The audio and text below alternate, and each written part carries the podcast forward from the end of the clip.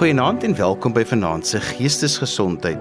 Vanaand gesels ons oor die ondersteuning van kinders se geestesgesondheid. Hoe kan ons as ouers, versorgers en skole help om ons kinders meer geestesgesond te maak?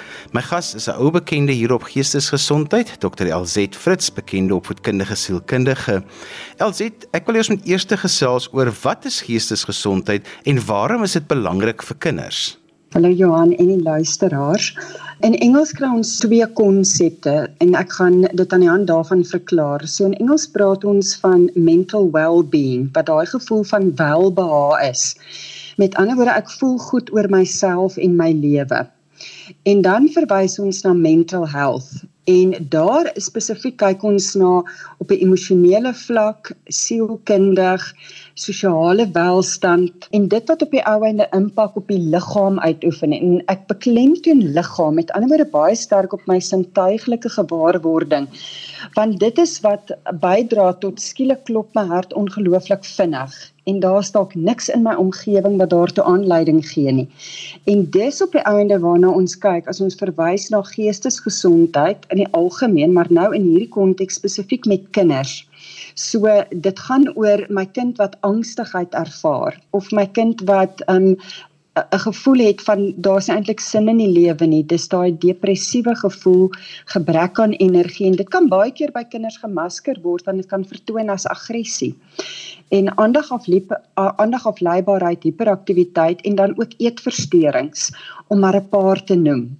Elzet van vir baie jare het mense gedink dat volwasse geestesgesondheidsprobleme lyk presies dieselfde in kinders en mense het met 'n skok agtergekom dat kinders as jy net gesê het maskeer dit heeltemal en dit lyk heeltemal anders. So as 'n mens wil uitkyk na die tekens, moet jy 'n totale kopskuif maak as dit kom by kinders. Dis reg. Ehm um, kinders presenteer definitief nie soos die volwassenes nie. Dis bitter selde dat 'n kind na my toe sal kom, alhoewel ek dit al wel gehad het wat hulle vir my gaan sê.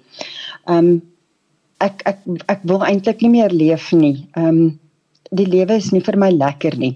Meeste van die kere word kinders verwys en presenteer hulle met daai oordrewe energie en 'n aggressie, 'n weerstandigheid, 'n rebelsheid, 'n ook tipiese aandagafleibaarheid, hiperaktiwiteit. Hulle sukkel om te konsentreer, so dit het 'n impak op die skool en dan word hulle verwys van die kind se prestasie lei daaronder. Of ouers sal my kontak en hulle raad op en hulle gaan vir my sê my kind luister nie na my nie. My kind is ongeskik dan weet ons goed ons moet nou hier baie mooi gaan kyk waarmee sit ek eintlik sit ek hier met 'n angstigheid, ehm uh, met ander woorde dis 'n simpatiese stelsel wat oorgeaktiveer is. Sit ek hier met 'n kind wat daar is net nie energie nie, sit ek met 'n kind wat nie kan slaap nie, met 'n kind wat nie kan eet nie op 'n maatsvlak nie oor die weg kom nie, gedragsprobleme dalk by die skool openbaar en dan moet ons baie mooi gaan kyk en en meeste van ons werk sistemies. So ons kyk wat gebeur in die volwassenes se lewe, wat gebeur binne in die skoolkonteks. En baie keer sal ek vir ouers en onderwysers vra, sê bietjie vir my wat het die laaste 6 maande, minimum laaste 6 maande tot 'n jaar in julle lewe gebeur. So vanaf daai daai gedragsverandering wat jy opgetel het gaan kyk vir my so 'n bietjie 6 maande tot en met 'n jaar voor dit dat ek kan begin agterkom maar waar moet ek begin koneksies maak en baie keer is daar 'n klomp faktore wat 'n rol speel so ons kinders wys definitief nie soos volwassenes uh dis bitter selde dat 'n kind tot daai daai vlak sal gaan van lae gemoed, lae energie. Hulle doen baie keer juis die teenoorgestelde. Sê van die realiteit is baie keer dat juffrou nou in die klas optel dat die kind kan nie stil sit nie, kan nie konsentreer nie, is vroetelrig. En dan sê sy vat die kind na die algemene praktisyn toe want daar word skielik nou ADHD gediagnoseer deur juffrou en dan word die algemene praktisyn ingespan om nou stimulante voor te skryf en dan help dit nie. En in die proses is daai kind se geestesgesondheidsuitdagings eintlik nou misgekyk omdat sy dit baie keer lyk soos ADHD of iets anders en dan kom ons nie uit by die geestesgesondheidskwessies wat aangespreek moet word nie. Dis inderdaad so wat ons weet wanneer daar 'n trauma reaksie is in die liggaam en weer eens ek beklemtoon dit lê op 'n sintuiglike vlak. Met ander woorde, as ons praat van sintuiglik, dan is dit wat ek sien, hoor, voel, beweging, ruik, proe al daai speel op die einde 'n rol en dan kan 'n kind baie vinnig geaktiveer raak. En in daai proses van aktivering presenteer dit as my kind is hiperaktief, my kind sukkel om stil te sit, my kind is kriebelrig, ehm um, die aandag is baie beperk, sukkel met die maatjies, is knaand in die moeilikheid, luister nie vir juffrou nie. En jy's reg, dan gaan jy na die algemene praktisyn toe en hier het ek baie medelee met die mediese professie Want sedert Covid weet ek dis my kollegas wat baie swaar gebuk gegaan het. Ek het een keer by dokter ingestap en hy het vir my drie vingers opgehou en ek het nie lekker verstaan wat bedoel hy met drie nie. En dit was so aan die begin van 2021 middel daar ons se kant. En toe verduidelik hy vir my ek het 300 pasiënte verloor. So uit die aard van die saak beteken dit daai persoon het nie altyd die tyd om regtig te gaan uitvind maar wat het in in daai familie se lewe gebeur tensy hulle daai gesin baie goed ken. En selfs dan um, is dit nie altyd vir hulle moontlik om te kan kan vasstel maar hier sit ek nie met 'n neurologiese neurologiese tekort wat met die stimulante aangespreek kan word nie.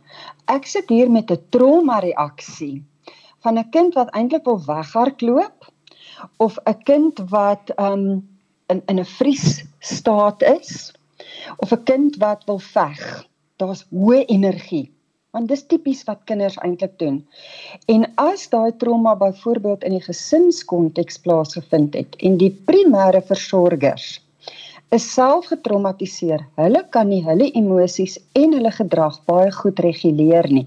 En hier kan ons nou maar net na die pad kyk as die jy by die vier rigting stop kom of die, die verkeers ehm um, robotte en jy kom agter maar dit is nie gesinkroniseer nie, daar's nie krag nie. Ehm um, en jy gaan kyk hoe tree die volwassenes op. Handgebare taal gebruik en gedisoriënteerdheid, dan weet ons die volwassenes sukkel. En kinders wat met daai volwassenes vasgekeer was of daagliks mee gekonfronteer word, kan nie weghardloop nie. En hoe jonger 'n kind is, des te moeiliker want hulle is afhanklik van 'n ouer. Hulle kan nie weghardloop nie. Hulle kan ook nie noodwendig verset lewer nie want dan gaan hulle heel waarskynlik dit voel. Hulle gaan pak kry, hulle gaan raas kry, daar gaan baie gevolge wees. As daai kind die boodskap gee, ek is nie gemaklik in jou teenwoordigheid nie. En dan het die liggaam die wonderbaarlike vermoë om na 'n ander plek toe te gaan. Ek sê nou liggaam, dis eintlik jou jou jou siege en jou jou oorlewingsdrang skakel in ek wil eintlik half sê skakel uit en skop in te gelyke tyd. So jou liggaam is daar, maar jy as mens is eintlik nie daar nie. Jy's op 'n ander plek en dit stel 'n kind in staat om deur ongelooflike moeilike goed te gaan sonder dat dit lyk asof dit daai kind geaffekteer het. So dit lyk asof daai kind heeltemal normaal aangaan. Intussen tyd is dit die masker wat ons sien. Maar as daai kind op 'n sintuiglike vlak geaktiveer word, word met ander woorde dis 'n stemtoon, dis 'n reuk, dit is 'n gebaar, dan sien jy maar maar hier is 'n reaksie wat nie vir my sin maak nie. En dis waarop 'n kind baie keer um hypersensitief is in 'n klaskonteks en jy daai oorreaksie sien wat lyk soos aandagafleibaarheid, hiperaktiwiteit. En ja, dan gaan die neurostimulante nie werk nie. Elsit, wat is die redes waarom kinders geestesgesondheidsprobleme kan ervaar en en hoe moet ouers en versorgers dan ook hieroor dink? Ek moet die laaste tyd vir myself baie afvra, wat het gebeur in ons wêreld? Wat het gebeur met kinders? Want ons leef eintlik in 'n baie goeie era.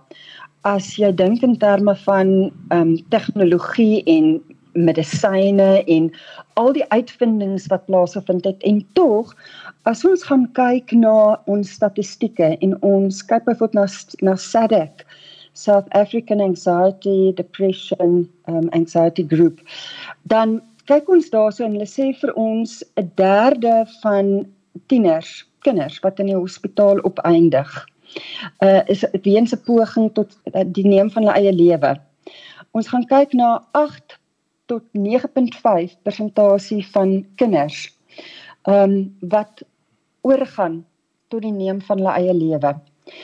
En dit is waarmee ons sit. So ons sit hier met kinders wat eintlik in krisis is en hulle reflekteer vir ons baie sterk wat in die samelewing besig is om te gebeur. So ten spyte van alles wat al die wonderlike uitvindings, ons lewe het so vinnig geraak en terselfdertyd het ons wêreld so klein geraak want ek weet ehm um, wat gebeur in ander lande waar ek geen mense ken nie, maar ek weet wat daar aangaan. Ek weet wat gebeur in die weer. So jy sit hier met sistemiese invloede en ons kinders is baie bewus daarvan vanaf 'n jong ouderdom. Want hulle skakel die televisie aan, hulle kyk na hulle slimfone en onmiddellik het hulle idee van 'n wêreld wat eintlik in chaos is en daar's geen meer gevoel van veiligheid, sekuriteit, standvastigheid nie. En dan natuurlik die impak wat dit op die volwassenes het. En ongelukkig het 2020 vir ek dink die meerderheid volwassenes in 'n krisis gedompel. En ons kinders word blootgestel aan 'n daaglikse wêreld in vrees. So as ons gaan luister waaroor praat mense, waaroor praat volwassenes? En kinders is ongelooflik goed om te luister. Ons dink hulle het nie 'n idee van wat ons sê nie. Ons skakel oor in 'n ander taal. Ons fluister, ons praat sag. Maar as 'n volwassene disreguleer, kan hulle nie hulle eie gedrag monitor nie en die kinders hoor dit. So hierdie is baie sterk sistemiese invloede wat 'n rol speel op 'n kind. En 'n kind het nog nie die kognitiewe ontwikkeling of die vaardighede van selfregulering. Om te weet maar hoe bring ek myself weer tot 'n gevoel van veiligheid? Want die realiteit is ons het nog altyd eintlik net hierdie oomblik gehad. Wat môre gebeur het niemand geweet wat gaan gebeur nie. Nou is die die gevaartekens is net vir ons vergroot. Dis in neonligte want jy sien dit oral. Dis nie te sê dit gaan met jou gebeur nie maar dit voel so en dis waaraan ons kinders blootgestel word binne in die skoolkonteks binne in die huiskonteks met hulle maats want ons is sosiale wesens en ons leer op 'n sosiale vlak. Elzet, wat is sommige van die uitdagings as dit kom by geestesgesondheid van kinders en wat kan 'n mens daaraan doen? Die uitdagings lê juis by daai sosiale punt, ehm um, wanneer dit begin in die ouerhuis of in die versorgershuis en dan ook in die skool. Dit gaan met ander woorde daai primêre versorgers In watter mate kan hulle vir daai kind 'n gevoel van veiligheid gee? In watter mate kan daai volwassenes hulle eie gevoel van vrees, aktivering, woede, magteloosheid Hoe kan hulle die sensasies in hulle liggaam wat hulle interpreteer op 'n emosionele vlak? Hoe kan hulle dit erken? Daaraan uiting gee op 'n gesonde manier vir hulle kinders dit verwoord goeie rolmodellering bied. En ek het ook gesê terselfdertyd ook in die skool. So dis waar dit begin. Die uitdaging is hoe doen ek as volwassene dit? Daar's baie dinge wat buite ons beheer is. Jy het nie beheer oor wanneer iets sleg in jou familie gaan gebeur, wanneer jy 'n geliefde aan die dood afstaan, wanneer daar 'n groot ongeluk is, wanneer daar 'n aardbewing is. Ons het nie beheer daaroor nie ons het beheer in 'n mate in terme van hoe kan ek erken wat in my liggaam gebeur? Hoe kan ek om hulp vra? Hoe kan ek goeie patrone vir myself ontwikkel om van spanning te ontlaai? En ehm um, ek wil eintlik al sê hoe kan ek sag met myself wees? Maar ons is baie keer geneig om wanneer ons in 'n krisis is krities te wees, hard te wees, aggressief te wees, uh hoë verwagting aan onsself en almal om ons te stel. En ons verloor ons verdraagsaamheid. En dis van die uitdagings waarmee ons sit. En ons sit ons natuurlik op regeringsvlak ook in terme van is daar genoeg mannekrag om in ons um mense wat swaar kry nie sê ek mense want as jy kyk na kinders se geestesgesondheid moet jy die volwassenes se geestesgesondheid in ag neem is daar genoeg mannekrag om die nodige hulp te voorsien is dit tot elke persoon se bereik. Ons het ongelooflik baie professionele mense verloor die laaste tyd wat geïmigreer het. Ek het baie van my eie kollegas wat geïmigreer het die laaste 3 jaar in Nieu-Seeland, in Kanada, in Australië, na Engeland toe. Ons het nie genoeg mannekrag om noodwendig aan almal se behoeftes te voldoen nie.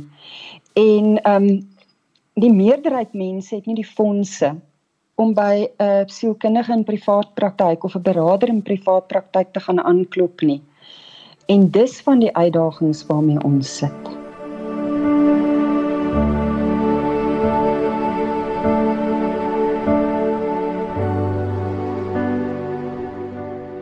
Elzet, wat is sommige van die mites en wanopvattinge oor geestesgesondheid en kinders en hoe kan dit aangespreek word? Ek hoor baie keer wanneer mense vir my sê, "Ja, daar het goed gebeur in ons familie, maar my kind was klein gewees. Ek dink nie my kind gaan dit onthou nie." Dis al klaar 'n groot gevaarteken want enigiets wat jou kind nie kognitief kan onthou en daaroor praat nie, gaan lê heel waarskynlik op 'n sintuiglike vlak in jou kind se liggaam. En jou kind gaan op 'n manier reageer wat nie noodwendig vir jou gaan sin maak nie. Iemand gaan te naby aan jou kind staan en jou kind gaan die ander kind stoot of klap want hulle is in die spasie en daai spasie voel nie veilig nie want die vorige keer toe iemand in my spasie was, het hulle my bedreig. Daar kan dalk sekere reuke wees ek kyk baie keer as ek met mense werk, ek kyk na watter kant beweeg hulle oë as hulle my goed vertel. En dan het ek al klare idee van goed, die klip die motor getref het.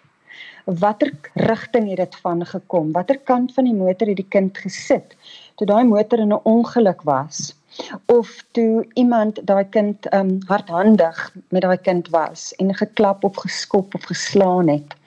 So ek kan onmiddellik sien hoe die liggaam reageer. Aan watter kant het daai trauma gebeur? En nou gaan ek maar net die voorbeeld gebruik van 'n motorongeluk. So 'n kind is in 'n motorongeluk vasgegespe. Dit lyk asof die kind niks oorgekom het nie en die kind is baie jonk. Maar die kind se liggaam onthou dit. Nou gespe jy daai kind dag na dag in dieselfde stoeltjie vas aan dieselfde kant van die kar. En elke keer wat dit gebeur, is daar eintlik in daai liggaam 'n reaksie. So dit is daai mite van my kind was jonk.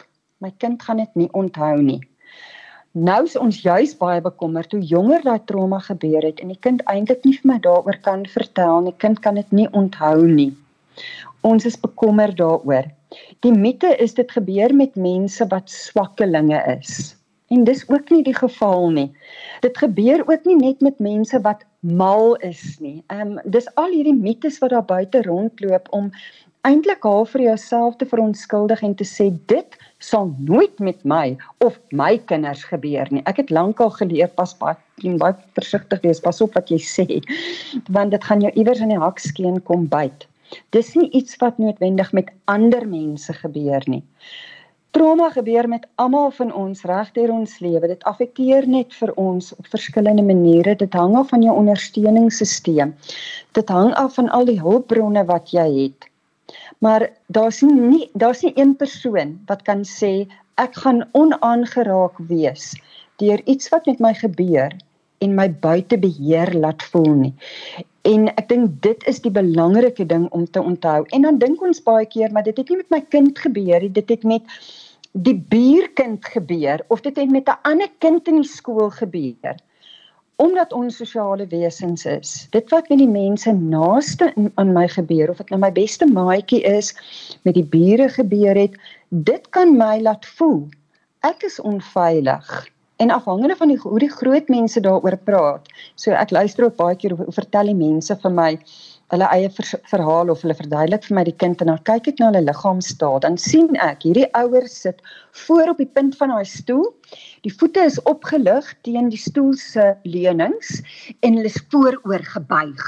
Dan weet ek, goed, jy jy's reg om te hardloop of te veg.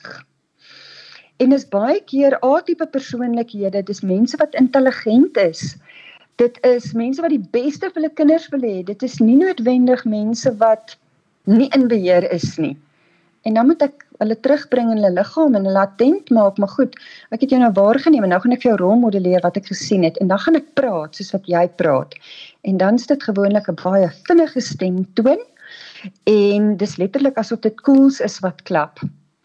En is hard en dit op sigself aktiveer daai kind. So daar's baie van die mites um, wat mense het om eintlik half hulle self blind te hou teen waardeur hulle eie eie liggaam gegaan het, hulle eie sieg gegaan gegaan het en hoe dit eintlik 'n kind affekteer want dit laat ons in 'n mate bietjie magteloos voel. LZ ons leef in 'n wêreld van tegnologie. Ons kan nie kinders heeltemal van tegnologie af wegvat nie. Dit is maar die wêreld waarin hulle groot word en waarin hulle ook eendag gaan moet oorleef en gaan werk. Maar wat is die impak van tegnologie op kinders se geestesgesondheidskwessies?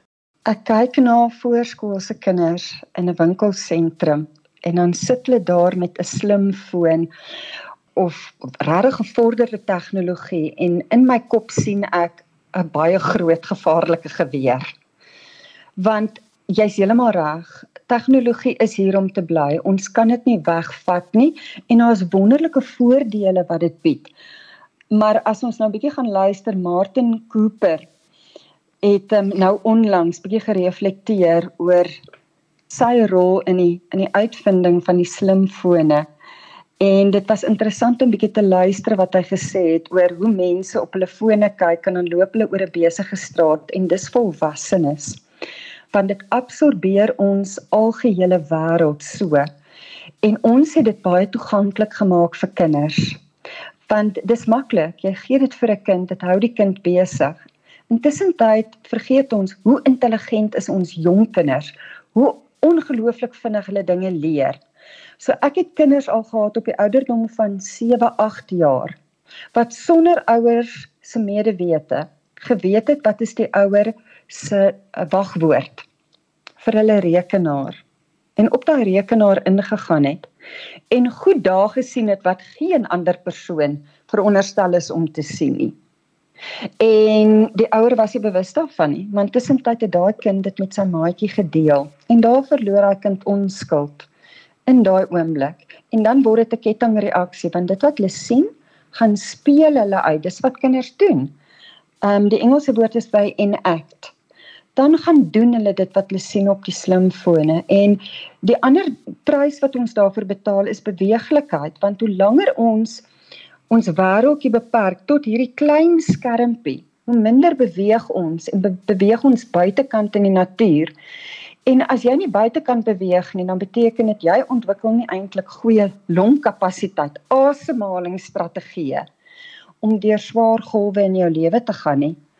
Ehm um, en as ons kinders beweeg nie, ontwikkel hulle nie vanaf 'n groot motoriese na 'n fyn motoriese vaardighede wat so ongelooflik belangrik is vir skoolvaardighede en verdere leer nie. So ek kan aangaan, dis 'n hele program op sy eie daai. So my my boodskap is eintlik net as volwassenes moet ons baie bewus wees wat ons doen wanneer ons vir kinders slimfone gee, slim tegnologie gee en besef wat is die risiko wat daarmee gepaard gaan.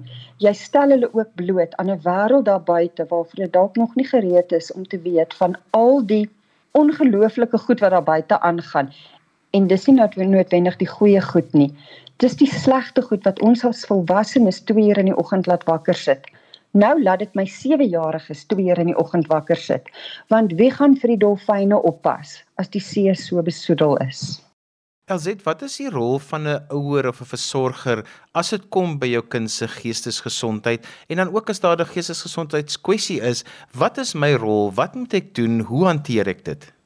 My rol is altyd soos wat hulle in die vliegtuig sê, sit asseblief die masker eers op jou eie gesig voordat jy na die ander mense en die kinders omsien. So weer eens, wees bedag van jou eie geestesgesondheid. Kyk na jou eie patrone. Hoe hanteer jy dit wanneer lewe vir jou rof raak? Wanneer mense na my toe kom, dan vra ek baie pertinente vrae en ek verduidelik dit altyd as volg. Ek sê vir hulle watter van die volgende hanteringsstrategieë het jy? wanneer die wêreld vir jou moeilik raak. En dan sluit ek in soos: Hoeveel alkohol drink jy per dag per week? Hoeveel bottels gaan ek by jou asblik sien aan die einde van die week? Hoeveel het jy nodig om iets anders in jou longe as suurstof te sit? Ehm um, dit sluit nou jou vape en jou rook en alles anders in. Watse medikasies gebruik jy om jouself tot kalmte te kry? Hoeveel? Hoe gereeld? Hoe gebruik jy jou tegnologie? Hoe lank is jy op jou tegnologie per, per dag? So kan ek aangaan met daai gedragsvormende gedrag. Want dit sien jou kind. Jy's besig om te rolmodelleer. Jy leer vir jou kind. Wat maak ons in hierdie huis of in hierdie klas? Wat maak juffrou? Wat maak meneer as dinge vir hulle te veel raak? Hoe gebruik hulle 'n disregulerende patroon? Met ander woorde, ek skree, ek skop, ek slaan. Ek luister altyd as mense vir my vertel en vir al die kinders, dan vertel hulle vir my van die diere in huis. Dan vra ek interessante vrae. Waar slaap jou diere? En sê bietjie vir my, as iemand kwaad raak of ongelukkig is in die huis, wat gebeur dan met die diere? En dan moet my nekhare rys, want dan hoor ek hoe word daai hond geskop of geslaan of buitekant gesit. En dan weet ek dit gaan met daai kind ook gebeur. So begin eers by jouself. Kry hulp vir jouself. En dan praat met ander mense. Ons weet nie wat in ander mense se huise aangaan nie. Ons dink altyd dit wat ek op die sosiale media sien, dis daai perfekte prentjie en dan ervaar ons skuld en skaamte. En ons wil nie vir ander mense sê ek kry swaar. Kan jy my asseblief help? kom drink saam met my 'n koppie koffie. Ons het nodig om met ander mense te kan um 'n koneksie te vorm sodat ons nie alleen deur ons eie moeilike tye gaan nie. As jy 'n baie moeilike pad stap, dan help dit as mense saam met jou stap, want soms het hulle nodig om jou rugsak vir jou vir 'n entjie te dra. Of soms moet iemand jou dalk 'n bietjie verduidelik, jy het nodig om my rugsak uit te pak want jy dra te swaar bagasie veral vir my mense wat nie noodwendig by professionele mense kan uitkom nie. En anders weet ons ons het ons aanlyn platforms wat dalk meer anonimiteit gee. Kontak daai nommers, kontak vir Sadak, kontak vir Talking Point, kontak vir iemand sodat jy net daai gevoel het van ek gaan nie alleen hier deur nie en so op die einde help jy ook jou kind.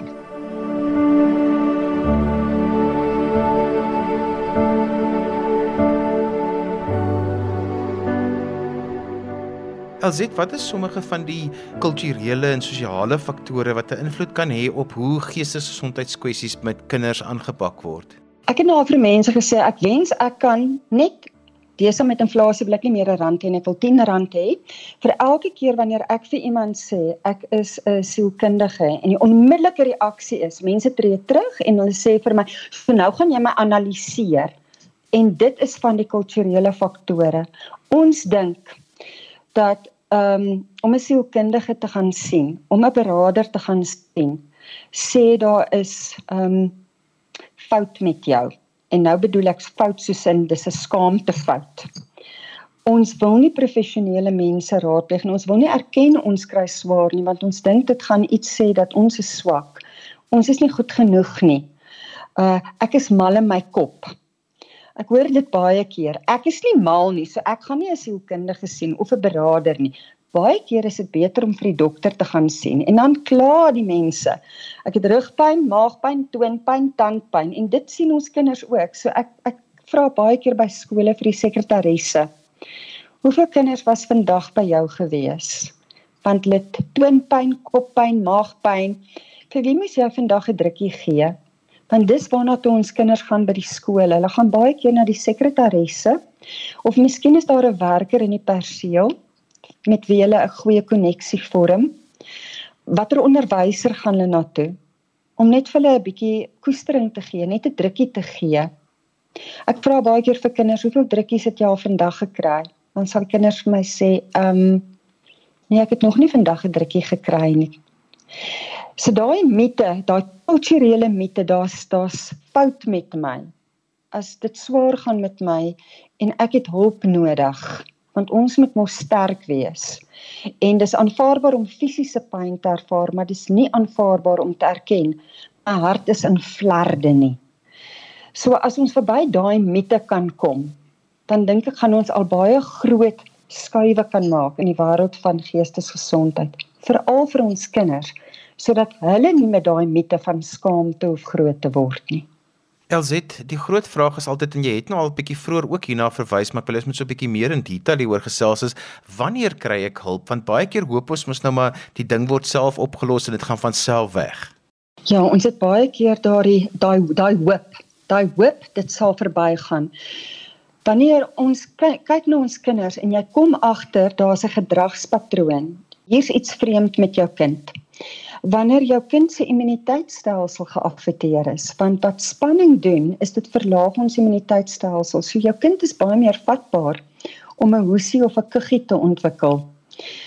Ons weet nou daar's 'n baie sterk korrelasie tussen dit wat op die emosionele vlak met my gebeur want dit affekteer my sintuie en dit affekteer op die ou einde my liggaamse gesondheid want 'n oormaat kortisol en adrenalien gaan my siek maak. So as jou kind herhaaldelik siek is en die dokters gee vir jou medikasie, maar dan skielik is daar weer 'n siekte daar. Dan moet ons begin mooi dink is hierdie regtig 'n virus of 'n bakterie of is hier iets anders aan die gang? Daar's spanning in die huishouding, daar was 'n dood, daar was 'n verlies. Daar was groot golwe een na die ander ene en hierdie kind se immuniteitstelsel kan dit nie meer hanteer nie. Die kortisol vlakke is te hoog. Wanneer jou kind al hoe meer onttrek en nie meer die goed doen wat vir jou kind lekker is nie, Wanneer enige van die 5 moete geaffekteer is, met ander woorde my kind wat altyd fisies uitgaande was, oefeninge gedoen het, buitekant gegaan het, gespeel het, wil nie meer dit doen nie. Of hulle raak obsessief met iets anders, so dis byvoorbeeld net die tegnologie. Enigiets wat dit te aangaan, dan moet ek weet goed, ek moet nou baie mooi hier gaan kyk. So dis asemhaling. Die tweede een is my kind se eetpatrone word geaffekteer. Hulle ooreet um, asof hulle net nooit genoeg kos kan kry nie want daar's eintlik 'n gat in jou kind se siel. Ons as volwassenes verstaan dit. Ehm um, of hulle eet glad nie meer nie. Die derde een is jou kind wat nie meer lekker slaap nie. Daar's 'n slaapversteuring. En 'n kind, 'n volwassene wat moeg is, is 'n moeilike mens. Die vierde ene is ehm um, jou kind se buik word geaffekteer. Daar's konstante hartlywigheid, daar's konstante diarree. Ons praat baie keer met jonger kinders, kyk ons na enurese, jou kind wat herhaaldelik bednat maak. Enkoprese. Jou kind wat op 'n stadium wel 'n um, stoelgangbeheer gehad het en skielik is dit nie meer daar nie. En die dokters kan niks vasstel nie. Hulle kan nie agterkom hoekom nie. Daar's baie keer 'n ander lig 'n uh, onderliggende rede daarvoor. En dan daai vyfde ene is omdat ons sosiale wesens is, moet ek mense in my my binnekring kan hê. Ek moet ek moet kan koneksies hê. So as jou kind onttrek, daar's nie meer maats nie. Of jy kyk na jou kind se maats en hierdie kind se maats maak vir jou glad nie sin nie. Dis nie volgens julle gesin se norme en waardes nie. Dan moet jy jy vir jouself afvra maar hoekom is my kind aangetrokke op 'n sosiale vlak, vriendskapvlak tot hierdie maats? Wat sê dit vir my van my kind? En dan is die antwoord nie noodwendig ek verbied my kind om met daai mense te speel nie. Daar's 'n rede hoekom jou kind aangetrokke is op 'n sosiale vlak, vriendskapvlak tot daai mense. Of jou kind wat heeltemal onttrek vanaf mense. So daai is al klaar vir ons baie groot gevaarligte en dan uit die aard van die saak in 'n skoolkonteks. Skielik is daar 'n daling in punte. Skielik is my kind se gedrag in die skool opset heeltemal anders. Dan voordat ek die lat gryp of die dreigemente maak, moet ek dalk eers myself afvra Wat het hier gebeur? Oprah Winfrey en Bruce Perry vra die vraag in hulle boek. What happened to you? Nie why are you doing what you're doing nie. Nie hoekom doen jy wat jy doen nie, want 'n kind kan en 'n volwassene in trauma kan nie daai vraag beantwoord nie. Maar wat het met jou gebeur? En 'n kind kan ook nie altyd daai vraag beantwoord nie. Dit hang af van 'n volwassene wat daai kind ken om te weet goed. Wat het die laaste paar maande, 3 jaar in my kind se lewenswêreld en in my lewenswêreld gebeur.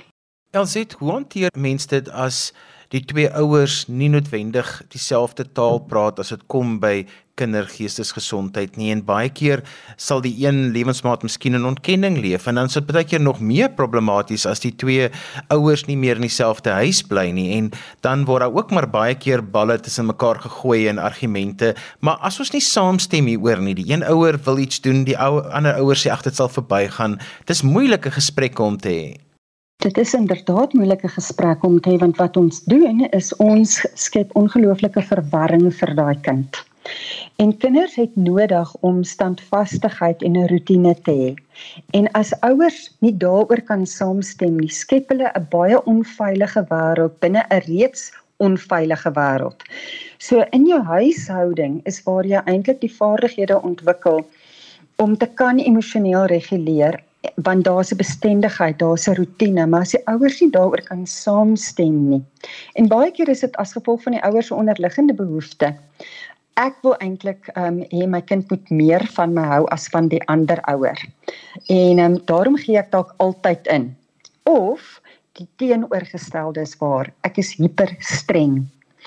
En dit op sigself skep 'n gevoel van onveiligheid vir my kind. So baie keer is dit die grootste uitdaging wanneer ouers nie met mekaar oor die weg kom nie is die kind word tussenin geplaas tussen daai twee ouers en in daai oomblik of daai kind nou 4 jaar oud is en of hulle 8 jaar oud is in daai oomblik besluit daai kind op 'n baie diep onbewuste vlak as julle dan nou soos kinders gaan optree dan gaan ek nou maar die volwasse wees in hierdie verhouding en die oomblik wanneer dit gebeur het 'n ouer eintlik beheer oor daai kind verloor jy sit dan met 'n klein um, adolessentjie in jou huishouding En ek sien dit baie keer.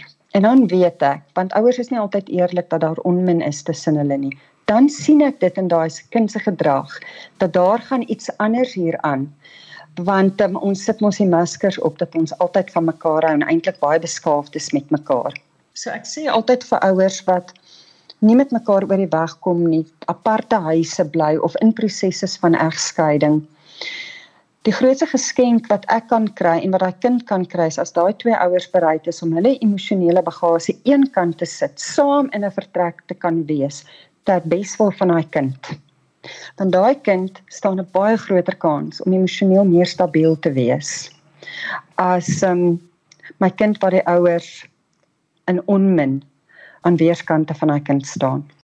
Elsie het ek 'n klompie geestesgesondheidskwessies uitgesoek waarby baie kinders wat baie kinders dan nou tref en ek wil dit graag eers met baie kortliks sê wat dit is en wat 'n mens daaraan kan doen en hoe jy daaroor moet dink. Soos byvoorbeeld angs en paniekaanvalle. Hoe moet ouers en versorgers daaroor dink? Baie keer um, laat dit ouers ongelooflik um, weerloos voel want hulle kind kry hierdie hierdie ons praat van hierdie meltdowns. Dis 'n vulkaan wat vuur spoeg want dis hoe angs baie keer presenteer. Dis 'n hoë energie, maar dit maak veel glad nie sin nie want daar dan nou niks gebeur nie. Daar's nie 'n rede hiervoor nie. Ek gee vir jou 'n bord kos en skielik wil jy nie daai bord kos eet nie en jy gooi dit tot deur aan 'n kant. En dan wil ons baie keer die energie ontmoet op dieselfde vlak. So my kind het 'n hoë energie, nou gaan ek reageer met 'n hoë energie.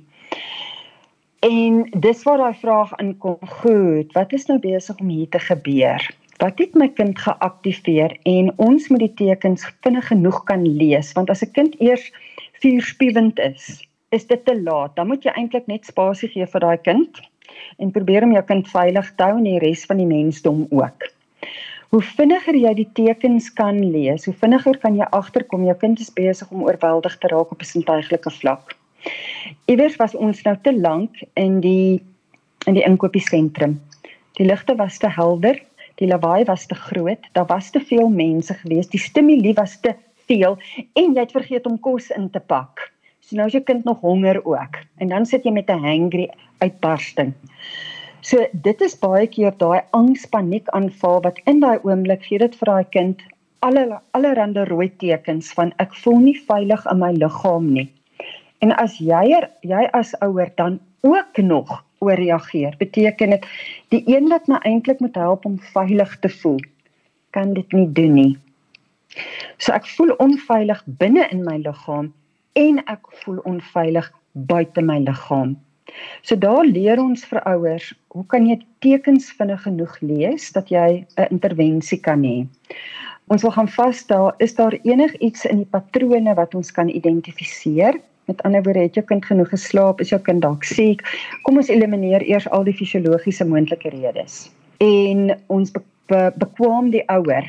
Ons rus die ouer toe dat hulle vir hulle self kan help om te reguleer. So ek het nou die dag 'n wonderlike 7-jarige gehad wat by my was en baie mooi vir my kan verduidelik van hoe sy inasem, soos hy sy sy asem in daai heerlike reuk van die warm sjokolade en dan asem sy uit en sy blaas dit koel. En toe vra ek vir haar watter een van die ouers doen dit die beste. Sy sê so o nee, my pappa is uitstekend hiermee. Mamma sukkel so 'n bietjie daarmee. Daai kind het al begin leer van emosionele regulering. So haar haar paniekaanvalle het begin verminder. LZ, kom ons praat oor depressie en neerslagtigheid as 'n voorbeeld. So daai depressie en neerslagtigheid is daai gevoel van daar is geen hoop nie. Dit is net donderwolke reg rondom my. Ek sien nie lig nie. Ek het nie genoeg energie in my liggaam nie en weer eens onthou by kinders kan depressie presenteer as teenoorgestel. So dit lyk nie noodwendig soos depressie nie. En hier is baie keer ons adolessente maar ook my jonger kinders eintlik. Hulle doen oordrewe. So hulle kan ook presenteer met 'n angstigheid en 'n woede En eintlik is dit daai gevoel van isolasie.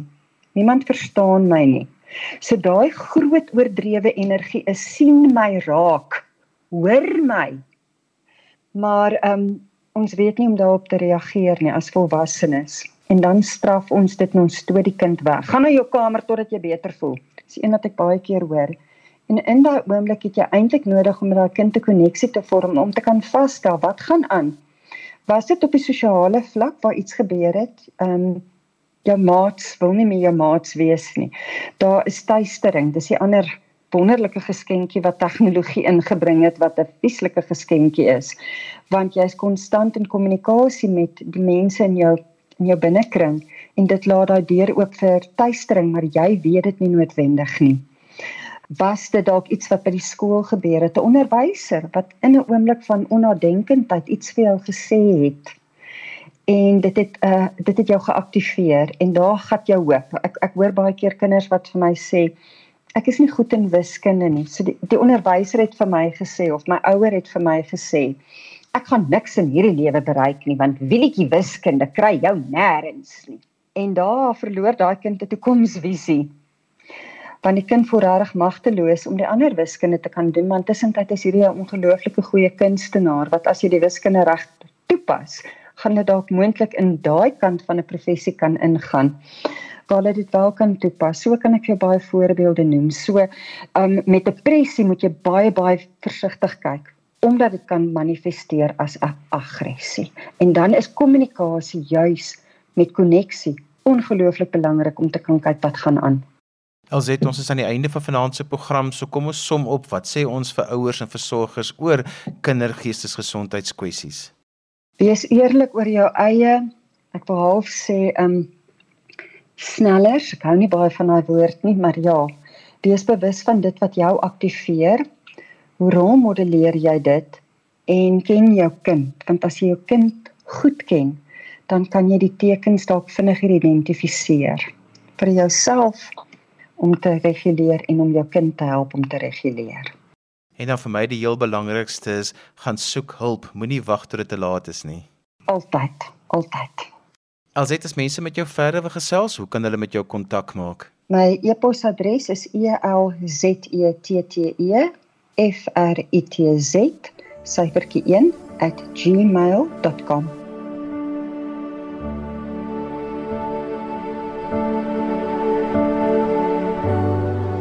En daarmee ons gekom aan die einde van vanaand se geestesgesondheid. Onthou jy kan weer na vanaand se program luister as 'n potgooi.